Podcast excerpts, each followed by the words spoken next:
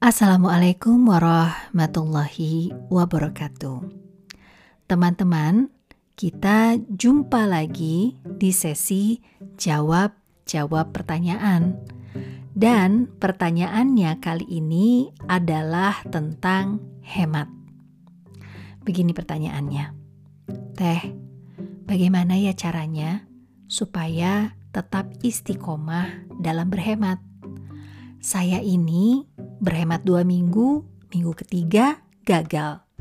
Berhemat tiga bulan, bulan keempat gagal. Ada aja godaannya. Nah, teman-teman, saya rasa pertanyaan ini mewakili banyak sekali dari teman-teman. Kita semua pernah mengalami bagaimana kita berjuang untuk bisa punya perilaku hemat. Tidak mudah Nah, teman-teman, bagaimana ya caranya supaya kita bisa menjaga keistiqomahan dari perilaku hemat kita? Ternyata ada tiga hal yang mungkin teman-teman bisa coba. Yang pertama adalah teman-teman harus punya financial dream. Jadi, financial dream ini adalah sesuatu yang teman-teman impi-impikan, teman-teman sangat-sangat inginkan, sampai teman-teman rela untuk melakukan pengorbanan yang tidak nyaman di masa yang sekarang dengan penghematan agar terwujud apa yang teman-teman impi-impikan di masa yang akan datang. Jadi bagi setiap orang financial dreamnya boleh jadi beda. Tetapi teman-teman harus punya satu financial dream yang kemudian bisa memberikan kendali atas kebiasaan-kebiasaan belanja, kebiasaan-kebiasaan membeli ini dan itu, kebiasaan-kebiasaan konsumtif. Dan PR pertama nih untuk teman-teman, have a financial dream. Dengan itu, teman-teman punya kendali pertama.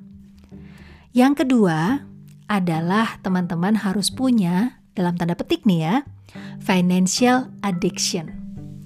Teman-teman, betapa banyak orang yang punya kecanduan belanja. Benar gak sih? Jadi kalau belanja itu rasanya happy banget dan kadang tidak bisa berhenti. Bahkan sampai berhutang-berhutang untuk bisa belanja. Nah, kita melawan suatu kecanduan yang buruk dengan suatu kecanduan yang baik.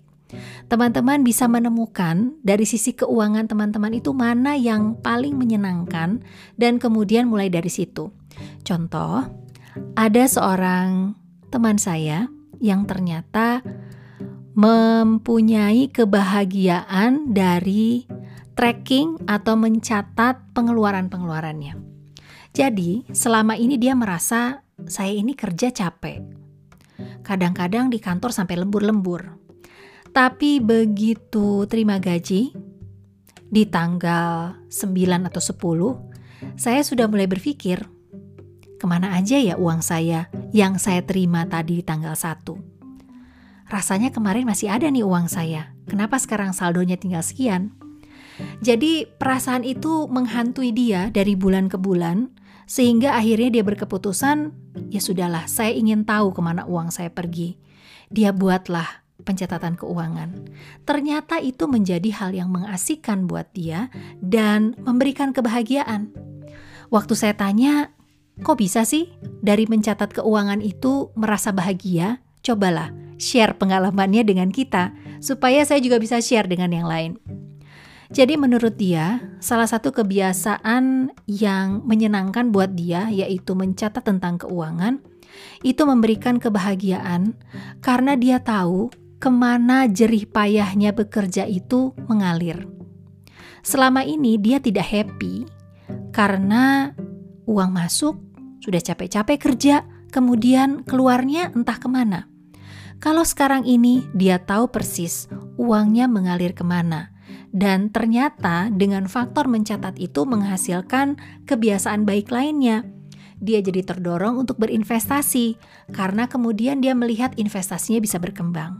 dia terdorong untuk menabung karena kemudian dia merasa tenang mempunyai tabungan, mempunyai dana darurat, sehingga pada saat terjadi hal yang tidak terduga, dia tetap tenang. Jadi, teman-teman, itulah financial addiction yang kemudian bisa menggantikan kebiasaan lain yang buruk. Itu yang kedua. Kemudian, yang ketiga adalah teman-teman punyalah financial body rekan, sahabat yang kebetulan bervisi sama dalam hal menjaga perilaku hemat. Sehingga teman tersebut bisa menjadi teman diskusi, teman sharing, dan juga yang lebih penting adalah menguatkan kita pada saat kita mulai keluar-keluar jalur. Dan teman-teman, dengan adanya financial body ini biasanya meningkatkan motivasi untuk mempertahankan perilaku hemat.